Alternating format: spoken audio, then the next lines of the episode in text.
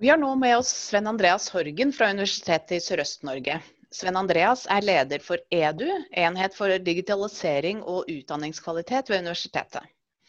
På konferansen deltok du først i et panel som snakket om hva fleksibel opplæring og veiledning innebærer i utdanning av voksne. Du hadde også en veldig spennende og lærerik sesjon der du delte av egne erfaringer med fleksibilisering av deres tilbud. For det er jo slik at du har lang erfaring med å utvikle fleksible utdanninger. Hvorfor er du så opptatt av dette? Ja, det, det, er mange grunner til det. For det første så er det jo veldig spennende arbeid med nye undervisningsformer. Og fleksi, fleksible tilbud de er kommet for å bli.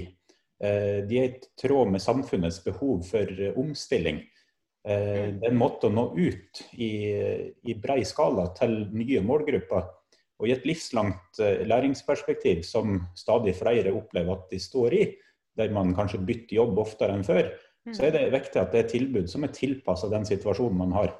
Mm. Eh, at man kan ta etter- og videreutdanning og skifte beite flere ganger i løpet av livet, samtidig som man står i, i mange gjøremål privat med familie og med Eh, med alt som man, man har på fritida. Så, eh, så det syns jeg er motiverende å få være med på å arbeide mot den type eh, målgruppe. Da. Mm.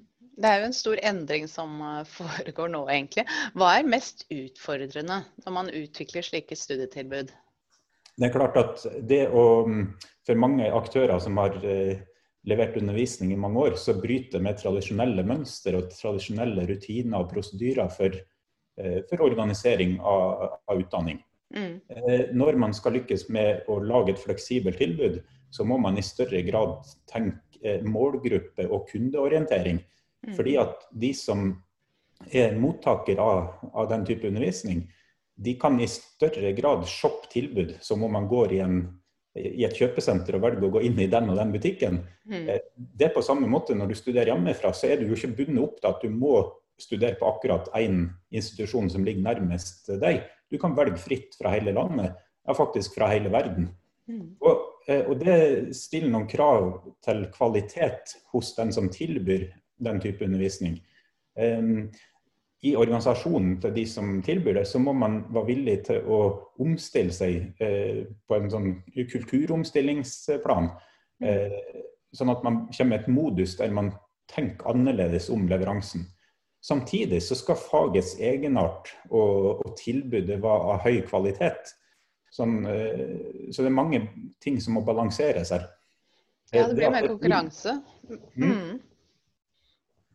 Ikke sant. Det er det. Og og jeg tenker at uh, For å lykkes med, med fleksibel, utfor, uh, uh, fleksibel, utdanning, så er det viktig med en tydelig forventningsavklaring med deltakere og med ansatte, kollegaer og alle aktører som er involvert i tilbudet. Sånn at man lager et solid system som, der ulike aktører spiller sammen og snakker godt sammen. Mm. Og, og at man hører på deltakerne Eh, sine forventninger og erfaringer, og kontinuerlig justerer tilbudet. Så det er på mange måter mer dynamisk enn i tradisjonelle settinger, der det er, eh, der det er ønskelig at man snur seg raskt.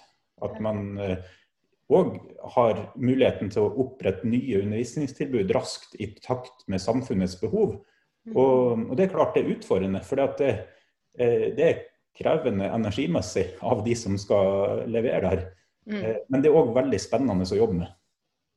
Ja, er det utfordringer eh, i forhold til regelverk også, når, det, når man skal snu seg rundt og gjøre noe helt nytt? Ja, det er klart. Eh, når det kommer til sånn som f.eks. et universitet opererer med studiepoeng, mm. så har jo det en viss verdi i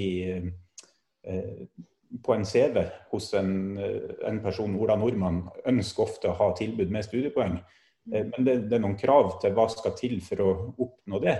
Det kan være en type eh, utfordring man må ta stilling til. Eh, og så mm. kommer det jo andre former for akkreditering etter hvert som kan bli veldig interessant. Som, som utfordrer gjeldende regelverk og, og rutiner og, og sånn standarder. Da. Eh, det er f.eks. Eh, open badges, som går på en ny måte å, å, dele ut diplom på digitalt. Og bygge opp en, en sånn slags ryggsekk av, av kompetanse du har samla opp fra ulike aktører.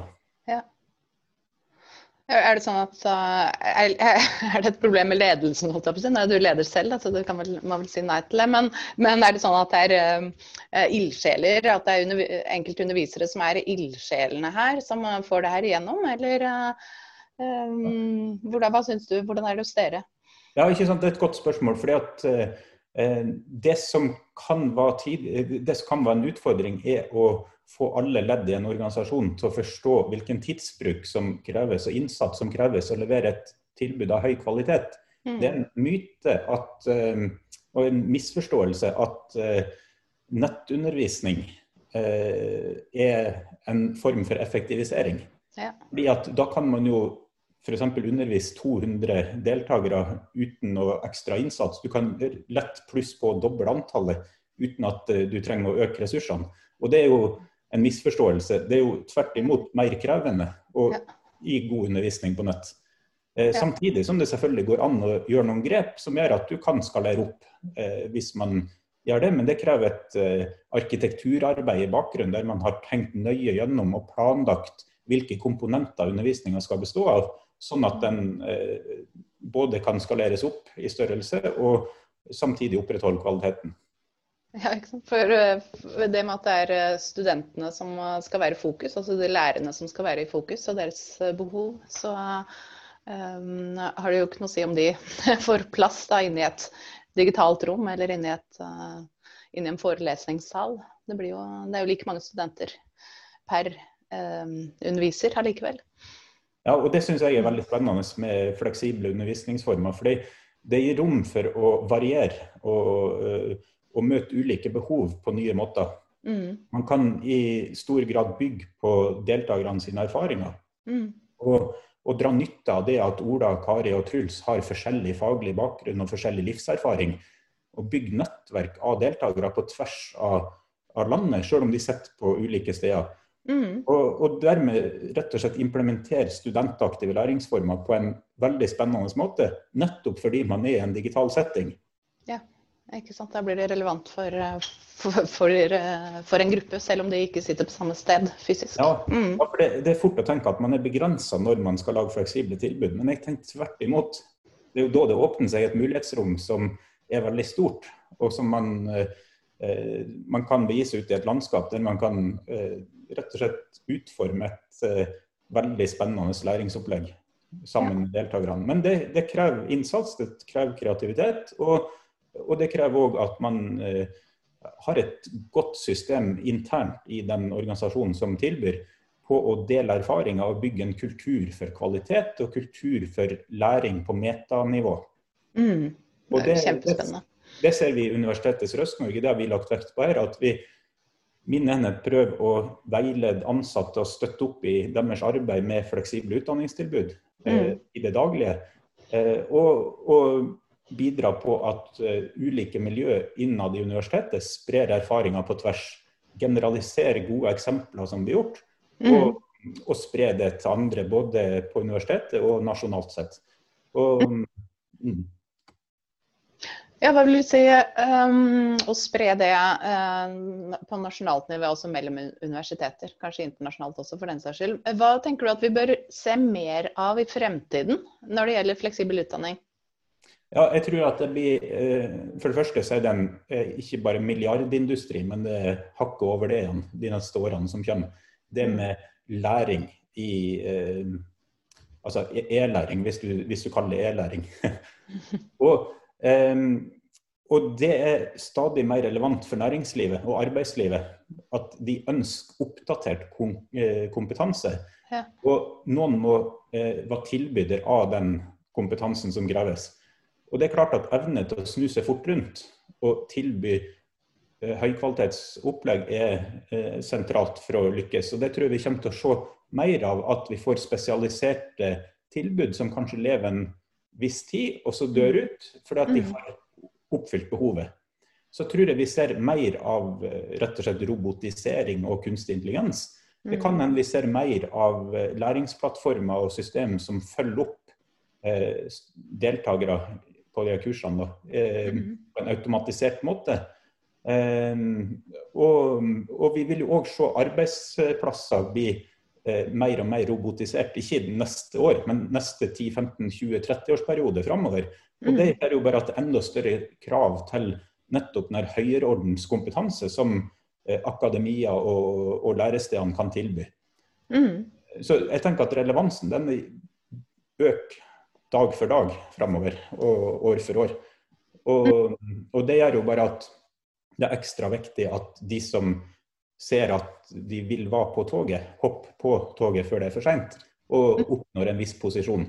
For det er klart at uh, vi kan få en situasjon, bare tenkt uh, tankeeksperiment, men om noen år, der vi har samme som i IT-bransjen, at det er noen få aktører, Apple, Google, Facebook, Microsoft osv., som, som er de store som overlever. Mm. Og eh, Jeg syns det er positivt at det er et mangfold av mange aktører, og at du har et, en bredde i tilbudet.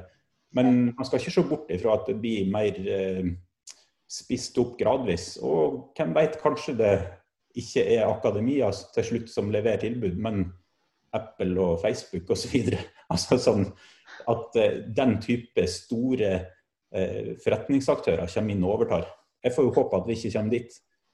Nei, for det, um, når du sier eh, et samarbeid med arbeidslivet og at man snur seg rundt når man ser på arbeidslivets behov, så gjelder jo det, det, både nasjonalt og også lokalt. At man ser behovene i det lokale arbeidslivet. Så hvis vi kommer til å se mer samarbeid mellom utdanningsinstitusjoner, um, det være seg på internasjonalt eller lokalt nivå, og arbeidsliv, uh, så blir det vel også uh, noe å gjøre ute i distriktene og på nasjonalt nivå. Ja, og, og Det synes jeg er veldig godt poeng, det du har der med, med det samarbeidsaspektet og delingsaspektet. Mm. Det tenker jeg at Vi har jo, eh, vi skal heller ikke tenke på oss sjøl som konkurrenter i for stor grad.